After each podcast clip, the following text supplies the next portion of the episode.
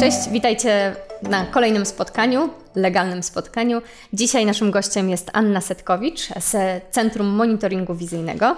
Cześć Aniu. Cześć, dzień dobry. E, witają się z Wami Marta Wrublewska i Maciej Stawowy. Dzisiaj porozmawiamy o działalności Ani. Jak sama nazwa spółki wskazuje, e, monitoring wizyjny, tak? Na waszej stronie internetowej mm, jest takie hasło, można powiedzieć, reklamowe, marketingowe, że monitoring wizyjny gwarantuje zabezpieczenie przez 24 godziny na dobę.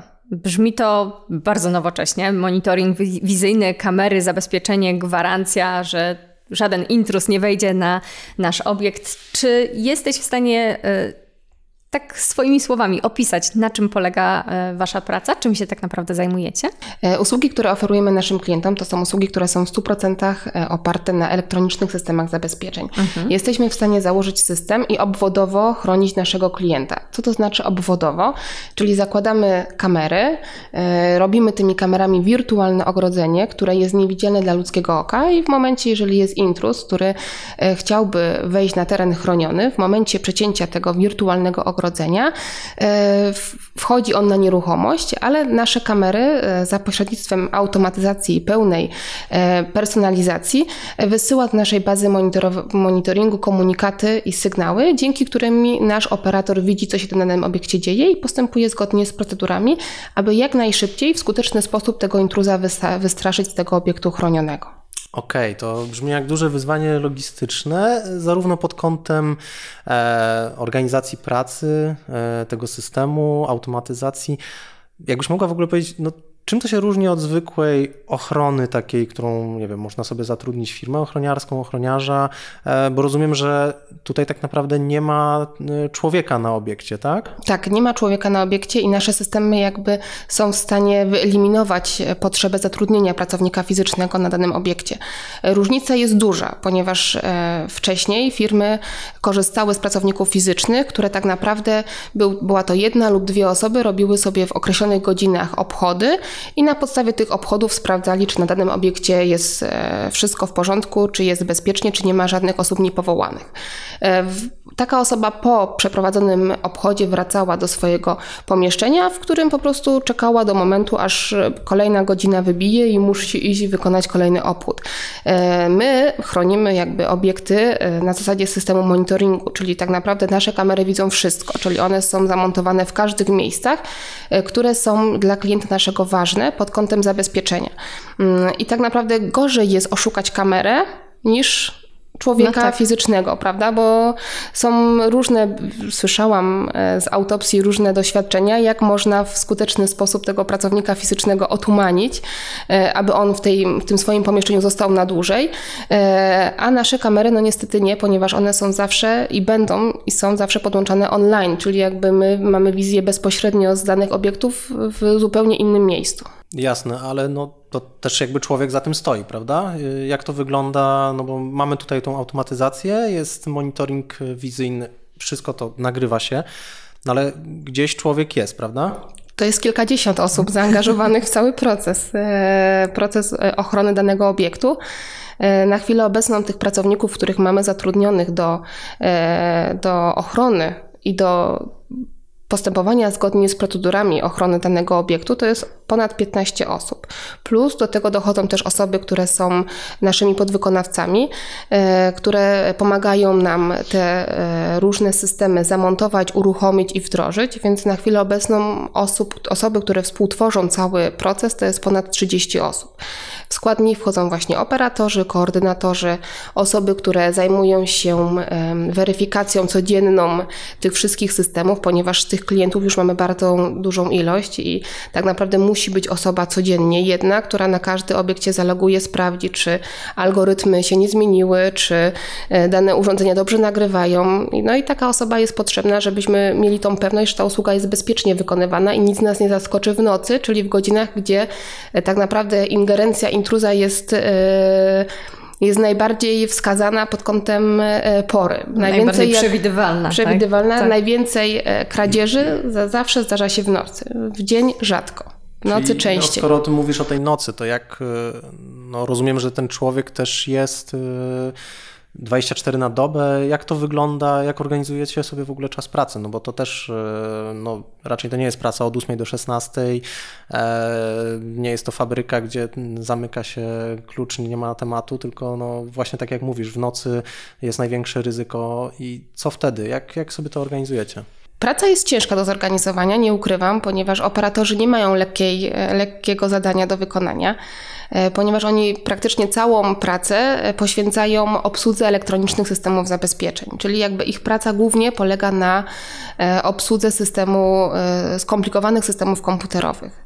Dlatego też w większości pracownicy, którzy u nas pracują, pracowali dotychczas w systemach 12-godzinnych, E, lecz teraz widzimy tą potrzebę, e, aby przejść z pracownikami na zrównoważony system czasu pracy, e, ponieważ my od operatorów wymagamy maksymalnej koncentracji, skupienia, ponieważ no, nasza ochrona musi być ochroną skuteczną. Więc jeżeli operator jest zmęczony, to tak naprawdę operator nie nieświadomie może nie dostrzegnąć pewnych sytuacji, które alarmują nasze systemy i może na nie po prostu zareagować albo nie zareagować w sposób prawidłowy. Mhm. Dlatego powoli, małymi krokami e, przechodzimy na ten zrównoważony system czasu pracy.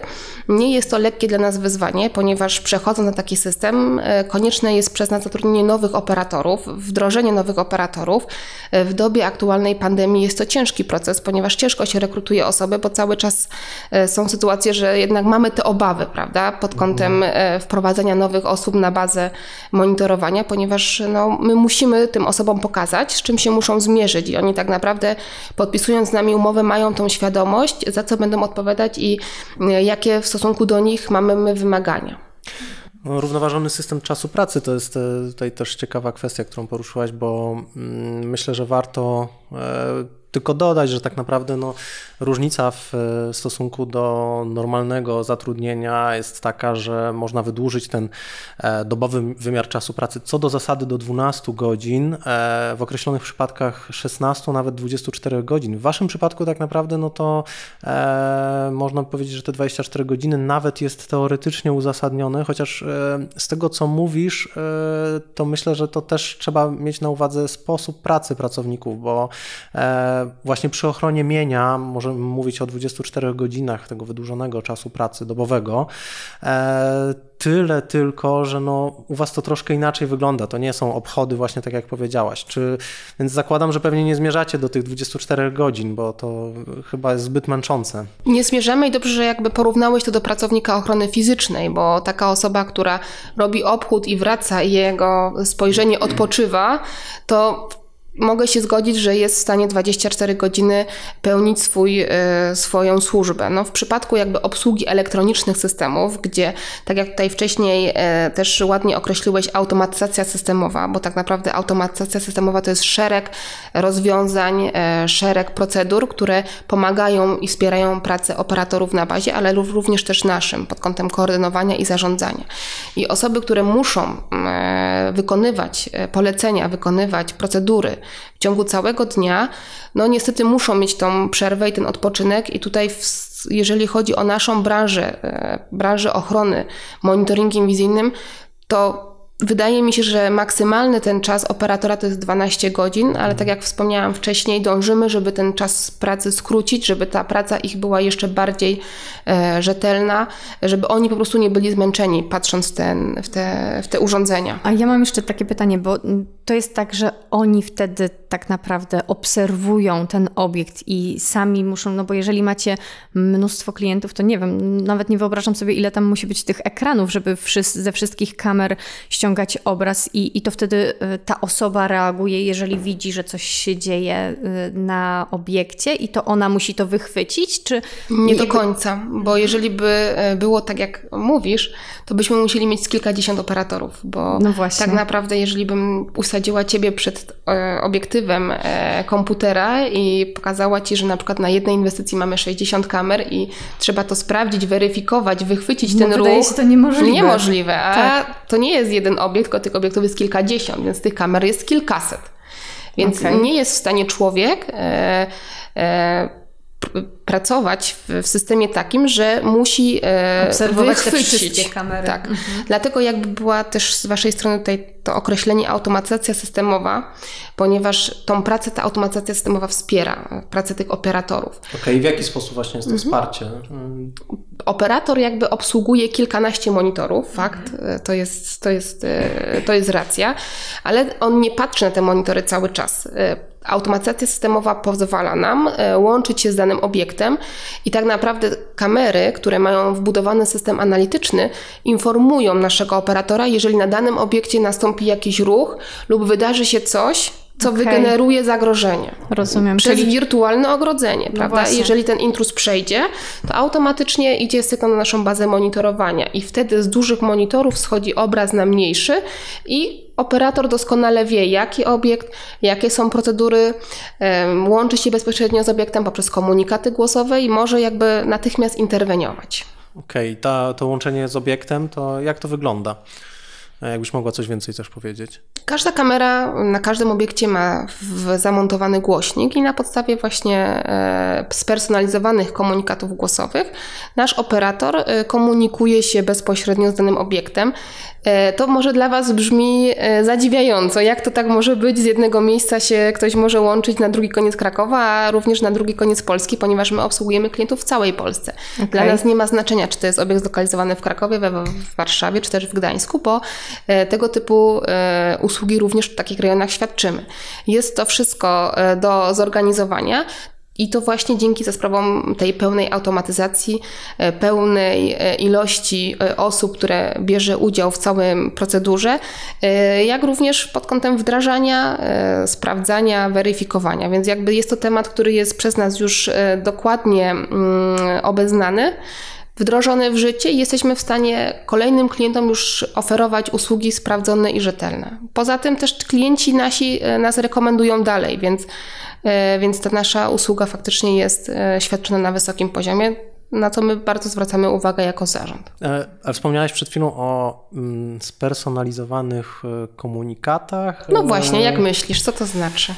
No, spersonalizowane, czyli no, do konkretnej osoby, no ale to pytanie, czy to jest tak, że automatycznie system generuje jakiś komunikat, czy na przykład łączy się z operatorem w Krakowie, w waszej siedzibie i który nie wiem, wydaje jakiś komunikat do intruza.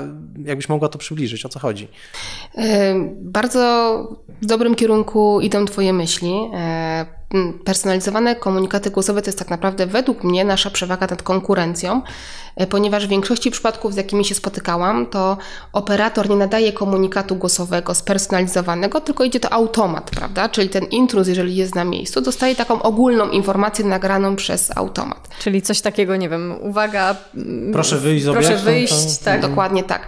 E, nasze komunikaty są spersonalizowane, ponieważ w momencie, jeżeli nasz operator ma potrzebę połączenia się z danym obiektem, to on ma obowiązek wydać spersonalizowany komunikat głosowy, czyli na przykład pan w żółtej kurtce z niebieską czapką, e, z plecakiem na plecach, proszę natychmiast opuścić teren obiektu chronionego, prawda? I ta osoba, która jest na miejscu, no to ona I to robi już... system bez e, ingerencji człowieka to robi nasz operator, który wydaje taki komunikat tak, głosowy. przez system, ale operator się wtedy w sensie łączy. To nie jest głos operatora. To jest głos operatora, aha, ponieważ aha. każda kamera ma głośnik i operator już są takie nowoczesne systemy, gdzie jesteśmy w stanie przyciskając jeden guzik bezpośrednio łączyć się e, z danym obiektem. I to mówi nasz operator w tym głośniku. Jak Jasne. ludzie reagują? Jak, e, w bardzo często są zdziwieni. Bardzo okay. często są zdziwieni, e, ale widzimy e, w jakim e, szybkim czasie oni na to reagują, czyli jakby wykonują nasze polecenia. Czyli okay.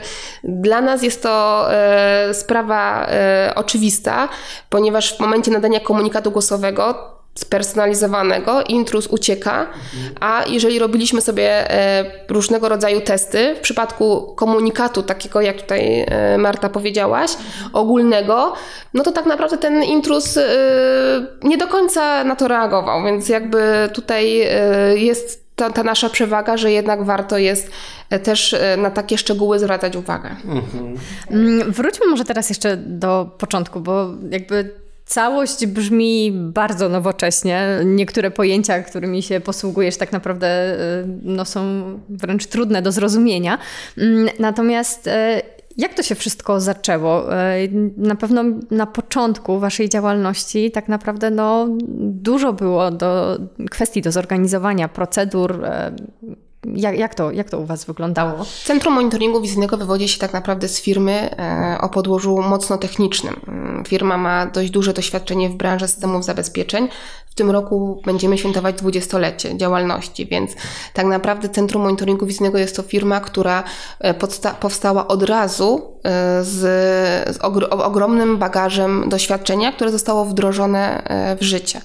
E, dzięki temu właśnie mogliśmy e, wprowadzać usługi, które są dedykowane i szyte tak naprawdę na miarę każdego klienta i nie ma dla nas problemu z wprowadzaniem nowości. Mm, więc są to, są to procedury, e, które, którym, z którymi jakby nie obawiamy się oferować, które nie obawiamy się oferować naszym klientom, ponieważ one są sprawdzone z uwagi na to doświadczenie techniczne. Jeżeli chodzi o całą jakby mm, całą jakby moją ingerencję w powstanie tej nowej firmy, to ona była duża, e, ponieważ e, no, każda firma e, no, musi powstać e, pod, pod względem formalnym, więc jakby te wszystkie rzeczy związane z koncesją, z pozwoleniami, z uprawnieniami, z umowami e, należały do mojej osoby. E, należały i należą, bo jakby w dalszym ciągu jestem opiekunką i opiekunem jakby tego typu, tej, tej jakby strony mojej firmy. Po drugiej stronie jest to dział techniczny, który należy do naszego zarządu, czyli do męża i do naszego wspólnika, i oni jakby e, opiekują się bazą i, i tymi wdrożeniami technicznymi. Ja opiekuję się tą stroną formalną, więc e, jakby jest to trudne, ponieważ e, tak jak oni mogą sobie różne rzeczy e, nowoczesne wprowadzać natychmiast, no to przy sprawie formalnej to jednak e, dużo dłużej czasu schodzi niż, e, niż mi się wcześniej wydawało, prowadząc inną działalność. Tak, no tutaj tych procedur rzeczywiście jest dużo. Mm, no ale udało Ci się, uparałaś się z tą dokumentacją pracowniczą, z, ze zorganizowaniem mm, tak naprawdę firmy.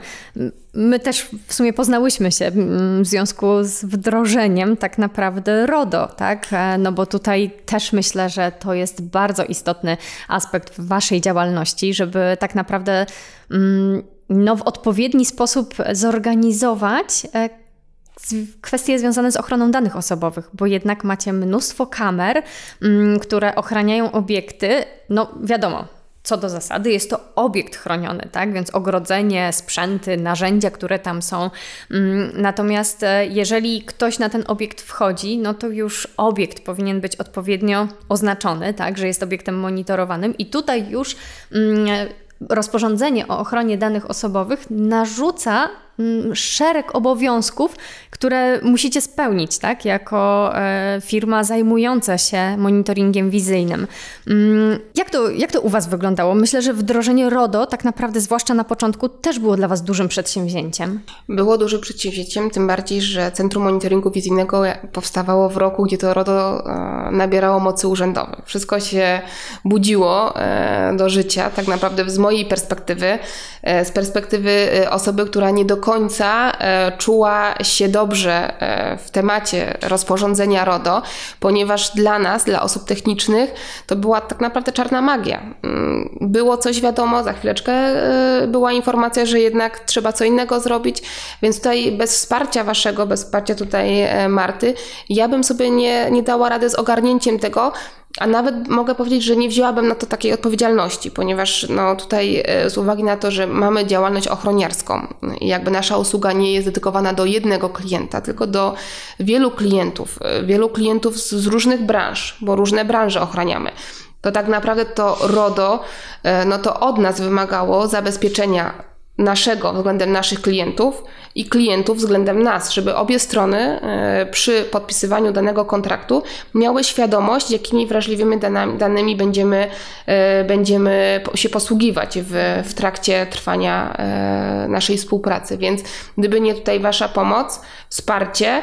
E, no, ciężko by mi było czasami zasnąć nawet w nocy e, z tą świadomością, bo mm, wszystkie umowy, które dotychczas są weryfikowane, też są przez działy prawne weryfikowane. I tak naprawdę tutaj wsparciem prawniczym, wsparciem e, waszym, którym się posiłkowałam, dużo mi pomogło pod kątem takiego poczucia bezpieczeństwa naszego, naszych pracowników i naszych klientów. Mhm. Okej, okay, ale po wdrożeniu tego RODO, e, no to jakby na dzi dzisiaj to jest y, problem, jak to wygląda? W sensie, no bo mm, no ty się tym zajęłaś na początku, tak? Ale i powiedzmy w wdrożenie w całości w firmie. Natomiast no, RODO to jest przestrzeganie przede wszystkim e, przez konkretne osoby, które już mają do czynienia z danymi osobowymi poszczególnych procedur. Jak to u Was wygląda? No bo e, ten pracownik, który faktycznie ma do czynienia z danymi osobowymi, czy on się e, stosuje do tych zasad?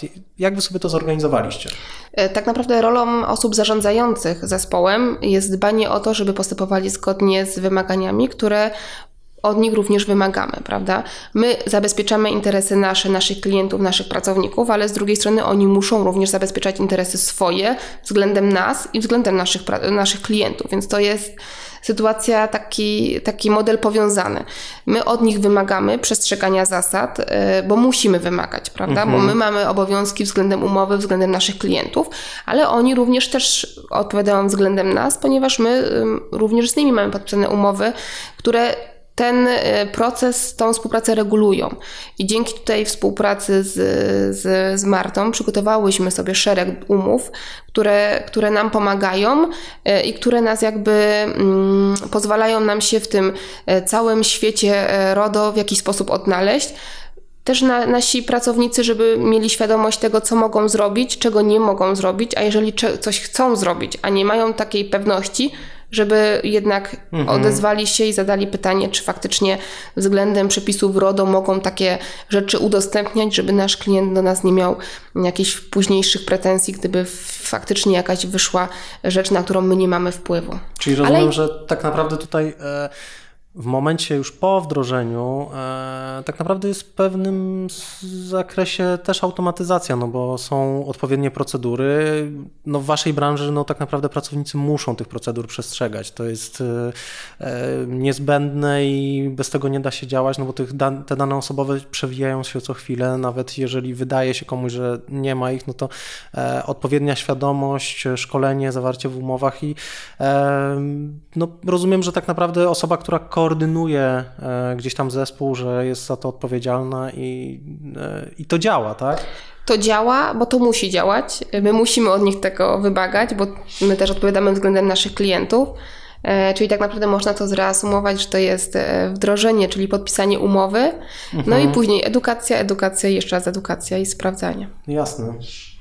E, no dokładnie tak. Ja też, e, jak sobie przypominam, to tak naprawdę jednym z kluczowych elementów na początku było przeszkolenie tak? wszystkich pracowników. Spotkaliśmy się wtedy wspólnie u Was w siedzibie i to też było, e, myślę, że cenne, bo mm, warto powiedzieć, że też to RODO to nie są tylko umowy, ale też tak naprawdę stosowanie pewnych wytycznych w praktyce, czyli nawet samo wejście do Waszej firmy, gdzie właśnie znajduje się cała baza monitorowania, jest ściśle chronione, tak? Czyli e, nie dość, że rzeczywiście trudno tam trafić, bo, e, bo jest szereg korytarzy, przez które trzeba przejść, to żeby wejść w ogóle do biura, e, no trzeba mieć tak naprawdę magnetyczną kartę, z którą, mm, która może to odblokować. Oczywiście alarmy, tak? No bo w tym się specjalizujecie, więc rzeczywiście jest to mm, wszystko w no, myślę, że dobrze zorganizowane, tak? I jakby działa. Wejście do biura, tak jak powiedziałaś, e, osoby nieuprawnione nie wejdą, prawda? E, aczkolwiek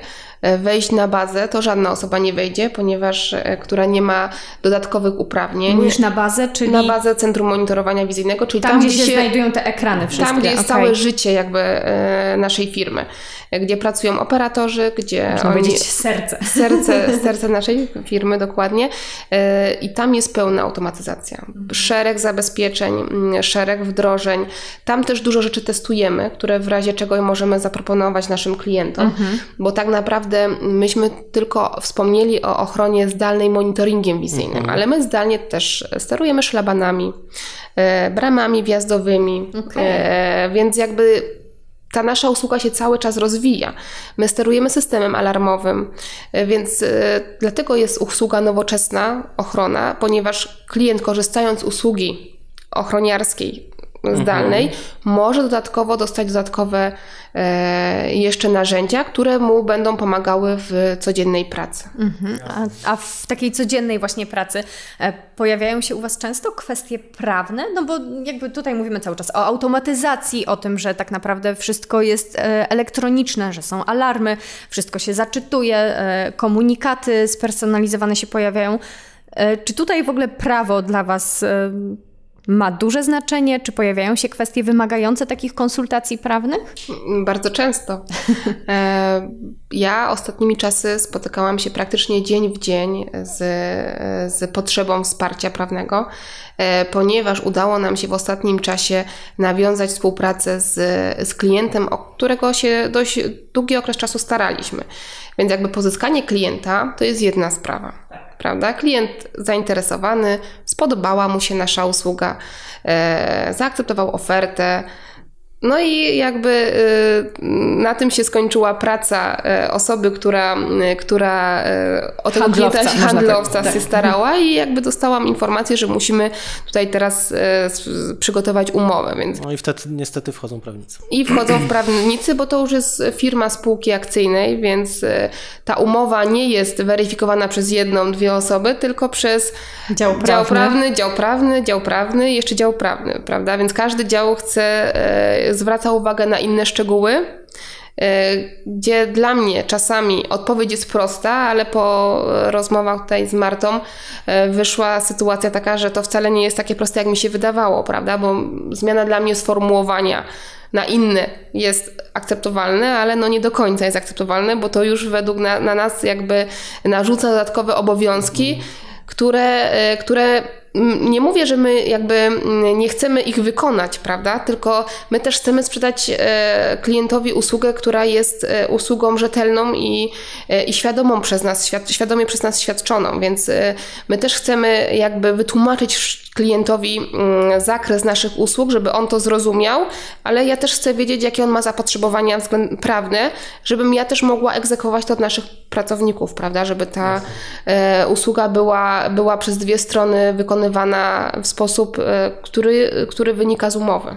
I tutaj właśnie była potrzeba w dużej mierze e, konfrontacji właśnie z działem prawnym, bo no, sama fizycznie bym nie była w stanie jakby e, podjąć takiego wyzwania, żeby taką umowę po prostu podpisać. Tak, to też jest e, chyba związane ze specyfiką każdej branży, czyli ty już wiesz w jaki sposób świadczysz usługę, więc poruszasz się po takich pojęciach, które są dla ciebie zrozumiałe, natomiast mm, dla klientów, którzy na przykład często mieli ochronę taką fizyczną, tak. jak to już wcześniej omawialiśmy, przejście na monitoring wizyjny mm, jest dużą zmianą i e, często nie rozumieją w ogóle pojęcia, e, na czym tak naprawdę ta usługa, ten przedmiot umowy polega i to powoduje e, no, rozbieżności. Tak? Tutaj miałyśmy kilka takich przykładów w ostatnim kilka, czasie. Bo, bo tak naprawdę klient, który nam tą usługę zleca, na którą wyraził chęć, że jest zapotrzebowanie, to on jest świadomy tej usługi, prawda? Bo wystarczy, że klient dostanie od nas informację, że nasza usługa e, w znacznym stopniu redukuje koszty ochrony fizycznej. Więc jak klient już usłyszy informację, że jest redukcja,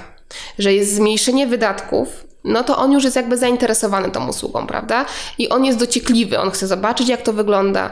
Często zapraszamy takie osoby do nas na bazę monitorowania, żeby zobaczyły tą pracę, e, jak my działamy, jak to wszystko wygląda w praktyce. I on to rozumie, ale dział prawny, który wcześniej weryfikował przez x lat wstecz umowy z firmami, które świadczyły usługi takiej fizycznej ochrony obiektów, no to pomiędzy fizyczną ochroną a techniczną to jest duża przepaść. No tak, no bo tak naprawdę to, co wprowadzacie, to jest no, swego rodzaju rewolucja w tej branży, no bo e, tak jak powiedziałaś, no jeżeli ktoś przez x lat nawet znał temat, tylko że zupełnie od innej strony, no to, no to ta umowa nijak się ma do tego, co, było, co funkcjonowało do, do, dotychczas, więc e, stąd te negocjacje pewnie bywają ciężkie. Ciężkie i tak naprawdę każdy klient na coś innego zwraca uwagę. Dlatego ostatnia umowa, która była renegocjowana, to renegocjacja trwała miesiąc, ponad miesiąc czasu, więc to na e, skalę kontraktu, gdzie klient chciał już na przykład mieć ochronę uruchomioną od 1 marca, z uwagi na procedowanie umowy, treści umowy, no, no nie byliśmy się w stanie formalnie wywiązać i skutkiem tego było, że dopiero klienta od 1 kwietnia mogliśmy ochraniać, ponieważ była podpisana umowa, wszystkie załączniki, wszelkie rzeczy, które były niejasne dla ich, jego działu prawnego zostały w końcu uregulowane, tak, że, że była jakby akceptacja, że ok, możemy działać podpisujemy mhm. umowę. Ale no tutaj bez wsparcia mm, e, radcy tutaj e, Mart, no to ciężko by mi było się odnaleźć, tym bardziej, że jakby nasza współpraca i nasza, e, nasza relacja również powstała poprzez rekomendacje. E, pod kątem jakby doświadczenia, pracy i zaangażowania, więc ja też e, otaczam się osobami, które wiedzą e, i znają się dobrze na swojej pracy i ja takie osoby właśnie pożądam do współpracy, bo tylko tak mogę tę naszą firmę e, rozwijać dalej w oparciu właśnie o, o wsparcie technicznych osób ze swojej branży. Tak, no jeszcze wspomniałaś odnośnie tych negocjacji. One też często potrafią być trudne. Tak, jeżeli negocjujesz warunki umowy, to się przedłuża, tak, bo umowa już jest dosyć dużym zobowiązaniem. Te systemy wcale nie są e, tanie, więc dla Was to też jest duża inwestycja, żeby mm, e, takie systemy monitoringu wizyjnego na danym obiekcie zamontować, a z drugiej strony mm, też kwestia rozumienia niektórych pojęć e, sprawia, że często mówicie, z, rozmawiacie z klientem o tym samym tak naprawdę problemie, ale sposób formułowania e, sprawia, że gdzieś tam trudno jest dojść do porozumienia, tak? I, i tak jak była umowa, mm, e, gdzie pamiętam, że zadzwoniłaś do mnie i powiedziałaś o, jej, tu jest po prostu wszystko wywrócone do góry nogami, tak? Ta umowa już w ogóle nie przypomina tej umowy, która pierwotnie była do klienta wysłana. No a to była umowa po prostu przygotowana w trybie śledzenia zmian, standardowym e, mm, w przypadku wprowadzenia zmian w umowach i klient przeorganizował te postanowienia troszeczkę według tego, do czego był sam przyzwyczajony, czyli zamienił miejscami niektóre postanowienia, poprzenosił. No i kwestia odnalezienia się w tym, co zostało dodane, co tak naprawdę zostało przeniesione. E, i czy to jest ryzykowne, czy nie, bo to jest też chyba ważne w negocjacjach, tak, żebyś zdawała sobie sprawę z ryzyka, które się wiąże z tym, że podpisujesz umowę w takim, a nie innym kształcie. Mm, i co się, jakby, co się wiąże z tym ryzykiem, że to ryzyko jesteś w stanie zaakceptować, ale w związku z tym, że akceptujesz to postanowienie, to masz kartę przetargową, żeby e, inne postanowienie tak naprawdę mm, już wywalczyć, można powiedzieć, na swoją korzyść. Masz rację, ale to jest Twoja interpretacja jako osoby, która jest doświadczona w branży prawniczej pod kątem mm, takiej umowy, weryfikacji takiej umowy, mhm. bo ja jak tą umowę zobaczyłam, e, która była cała zakolorowana, czyli praktycznie nie było żadnego naszego zdania z naszej umowy, która również była przygotowana przez dział prawny, no to wprawiła mnie w zakłopotanie, miałam takie, takie, taką sytuację, że no, pod kątem takich wymagań, które stawia przed nami nasz klient, ciężko będzie tą usługę faktycznie e, zrealizować wykonać. i wykonać w sposób świadomy. Dlatego też no, tutaj musiałam się i chciałam posiłkować Twoim wsparciem i doświadczeniem, e, bo ty sama powiedziałaś, że nie najgorsza jest ta umowa, że jest ona do ogarnięcia, a moja perspektywa była zupełnie inna. Pełna obaw. E, ja, Ania, jeszcze na koniec e, chciałbym w sumie trochę wrócić do początku, bo do tej organizacji e, obecnej firmy działacie w formie spółki zookomandytowej. Skąd taki wybór formy prowadzenia działalności? Na, okresie, w którym ta spółka powstawała, to jeden z korzystniejszych dla nas e, rozwiązań prawnych e, zorganizowanie spółki zookomandytowej. E, bardzo dużo naszych współpracowników, podwykonawców, osób, z którymi się dobrze znamy, prowadzili tego typu działalności w takiej formie, więc no też e, poszliśmy tym nurtem e, i taką spółkę założyliśmy. No ja tak tylko dopowiem, bo wiem, że wy póki co no, nie macie zamiaru zmieniać e, tej formy prowadzenia działalności gospodarczej. Myślę, że też nie ma sensu, żebyśmy tutaj dzisiaj poświęcali temu więcej czasu. Natomiast no, do niedawna to była, wydaje się, idealny, tak, idealny model biznesowy, bo zarówno pod kątem ograniczenia odpowiedzialności w sposób realny, jak również podatkowo. No, dzisiaj niestety e, nie ma już tego rozwiązania. Ciężko znaleźć tak naprawdę mm, alternatywę, która, bo tak naprawdę nie ma chyba alternatywy, która daje to, co było do tej pory. E, klienci w wielu przypadkach albo zmieniają to na spółkę jawną, albo na spółkę ZO, e, albo w ogóle likwidują tą działalność i tak naprawdę ciężko jest być mądrym, jak do tematu podejść, bo to tak naprawdę zależy od indywidualnych potrzeb, natomiast no, tak naprawdę myślę, że warto zasygnalizować, może do tego tematu wrócimy, ale to już e, nie jest na dzisiejszą rozmowę. E, myślę, że Dobra. E, Poczekaj, Myślę, pytanie... że może, może, do tego tematu jeszcze wrócimy w innych podcastach. Masz rację. Spółka ZO, spółka komandowa na chwilę obecną w naszej firmie pozostaje, co nie zmienia faktu, że nie, nie myślimy o zmianach na lepsze żeby bardziej zabezpieczyć siebie i naszych klientów. Ale to jest temat otwarty, e, temat, który ewoluuje cały czas, więc no, Czas pokaże. Tak, może tylko powiedzmy, na czym e, polega ta zmiana, bo powiedziałeś tak ogólnie, że spółka e, zookomandytowa, no ale no. o co tak naprawdę chodzi, tak? No został wprowadzony e, podatek CIT od spółek komandytowych, tak? Które I... są spółkami osobowymi. A CIT jest podatkiem od osób prawnych, tak? A więc... Osób prawnych, a spółki komandytowe nie są osobami prawnymi, więc tak naprawdę no troszkę ciężko znaleźć uzasadnienie dla tego rozwiązania, no ale tak jest, funkcjonujemy w takim e, w takim rzeczywistości, w takiej rzeczywistości takiej, prawnej tak. i no, trzeba sobie z tym jakoś radzić, więc e, różnie klienci do tematu podchodzą. Natomiast tak jak powiedziałem, no to nie jest e, temat na dzisiejszą rozmowę. Myślę, że będziemy kończyć. Tak, no to może ja tylko krótko podsumuję tak naprawdę, mm, bo dużo było takiej treści, o, o której rozmawiałyśmy. Wszystko skupiło się w sumie wokół Waszej organizacji pracy, ale powiedzieliśmy przede wszystkim o mm, równoważnym czasie pracy, tak? I to jest też myślę, że mm, ciekawy taki wniosek, że nawet w tego typu branży to nie musi się wiązać z mm, dezorganizacją, ale te przepisy kodeksu pracy, które możemy mm, zastosować w takiej sytuacji, czyli właśnie ustalenie odpowiedniego harmonogramu dla danego pracownika, który będzie pracował w tym równoważnym systemie czasu pracy, sprawia, że on może mm, ten swój czas pracy tak naprawdę wy możecie tak, mm, tak naprawdę zorganizować dobrze czas pracy takiego pracownika, tak żeby po pierwsze efektywnie świadczyć usługi ochrony, mm, które mają być co do zasady świadczone 24 godziny na dobę, niezależnie od tego, czy jest święto, czy nie ma święta, czy jest weekend, czy jest pora nocna. Mm, I oczywiście wszystko jest e, zorganizowane zgodnie z prawem w taki sposób, żeby pracownicy mogli odbierać wolne, czy ewentualne nadgodziny, które w tym czasie powstaną. Natomiast jest to y, taki powiedzmy element, który bardzo ułatwia organizację taki, takiego charakteru pracy, który, który macie.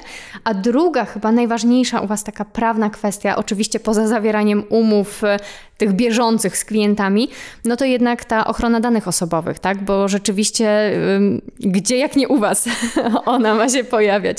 Więc... Ja może dodam, Marta, bo tak naprawdę, żeby była jasność, no, ten równoważony system czasu pracy no to nie jest zarezerwowany dla Waszej branży. To tak naprawdę jest tak. każda branża, gdzie znaczy, każda działalność, gdzie jest to uzasadnione rodzajem pracy lub organizacją, no prosty przykład, hotel, gastronomia, no to są te sytuacje też i, i też, żeby wszyscy mieli świadomość, że to nie jest tak, że pracownik pracuje 12, 16 czy 24 godziny i nie wiem, na następny dzień przychodzi na tyle samo, bo to oczywiście w wymiarze dobowym, tygodniowym, miesięcznym, to wszystko też zależy od konkretnej sytuacji, musi odpowiadać e, przepisom prawa pracy. Też oczywiście e, ta przerwa w pracy musi być odpowiednia, także to nie jest tak, że nagle zmieniamy w ogóle na pańszczyznę. I, e, nie. No, więc... Jest to dla nas duże wyzwanie. Ja też wcześniej wspominałam, że my dopiero się przymierzamy, ponieważ dla nas tak naprawdę miesiąc maj to jest takim miesiącem przełomowym, bo ten zrównoważony system czasu pracy my wprowadzamy od 1 maja. Ale wprowadzamy wprowadzamy w fazie testów. Musimy mhm. sprawdzić, jak nasz operator, który wcześniej miał inne zmiany, w innych godzinach pracował, bo jedne osoby są, które wolą pracę w nocy, mają większą skuteczność, jedne osoby chcą pracować przez dzień, jak one odnajdą się e, w tym systemie na przykład 8-godzinnym, chcą spróbować. My też chcemy zobaczyć, jak to wyjdzie w praktyce e, i tak naprawdę pod kątem takiego doświadczenia, to wydaje mi się, że wyciągniemy wnioski 1 czerwca, posłuchamy co mają do powiedzenia nasi operatorzy, jak oni się odnaleźli w tym, e, w, w, w, takich e, segmentach czasowych, wtedy wyciągniemy wnioski i zobaczymy, czy e, plan, który wymyśliliśmy na mail, będzie planem skutecznym tak. pod kątem przede wszystkim pracy operatorów, bo my ten zrównoważony system czasu pracy wprowadzamy nie, żeby nam było lepiej jako osobom zarządzającym, koordynatorom, tylko żeby naszym operatorom było lepiej. Mhm. Świadczyć pracę skuteczną, tak, prawda? dokładnie. Bo tu wspomniałaś o tych 8 godzinach, to żeby nie umknęło 8 godzin to jest taki standardowy wymiar czasu e, pracy, tak? 8 godzin dziennie i 40 godzin w tygodniu. Natomiast e, u Was rzeczywiście, oczywiście jest więcej osób, więc to się wszystko rozkłada. Mm, e, natomiast tu jest kwestia zaplanowania tego, jeżeli byłaby potrzeba, powiedzmy przedłużenia tego dobowego wymiaru czasu pracy. No i to, o czym Maciek wspomniałeś, tak, nie może to naruszać tych e, podstawowych e, obowiązków wynikających z kodeksu pracy, czyli na przykład zapewnienia przez pracodawcę minimum 11 godzin odpoczynku na dobę dla e, pracownika, tak, to, to jest takie no, niezbędne minimum, które zawsze musi być zachowane, więc tutaj wiadomo, że nie unikniecie pewnego systemu zmianowego, tak, no bo pracownicy muszą siebie nawzajem zastępować. I będzie kilka zmian Wcześniej były tylko dwie zmiany, tak. prawda? Mhm. Teraz będzie kilka zmian, mhm. a biorąc pod uwagę to, o czym wspomniałeś, że jest to ochrona całodobowa, mhm. Mm, czyli weekendy, święta, to jest tak. ochrona, mhm. to jest to dla nas wyzwanie logistyczne no pod tak. kątem e, skoordynowania tak. planu i rozkładu e, pracy dla poszczególnego operatora. Prawda? No i trzeba Żeby... mieć na uwadze to, że tak naprawdę cały czas się rozwijacie, więc... Cały czas się e, rozwijamy. Tak, Dlatego też mówiłam o rekrutacji, że ta rekrutacja będzie zwiększona, bo na chwilę obecną to jest 30 osób, które współtworzą tą naszą tą firmę, ale dążymy do tego, żeby ilość tych osób powiększyć, ponieważ jest zapotrzebowanie na, na pracowników. Super. No to życzymy tylko rozwoju. Dziękuję bardzo. Dokładnie tak. Bardzo dziękujemy za dzisiejsze spotkanie e, i trzymamy kciuki za dalszy owocny rozwój. Mm. Również dziękuję. Dzięki. Także dzięki e, za dzisiejszy odcinek. Do zobaczenia w kolejnych. Gdybyście e, mieli jakieś pytania, chcielibyście, żebyśmy rozwinęli jakieś tematy, o których dzisiaj rozmawialiście, rozmawialiśmy, dajcie znać w komentarzach. Do zobaczenia. Do zobaczenia. Do zobaczenia.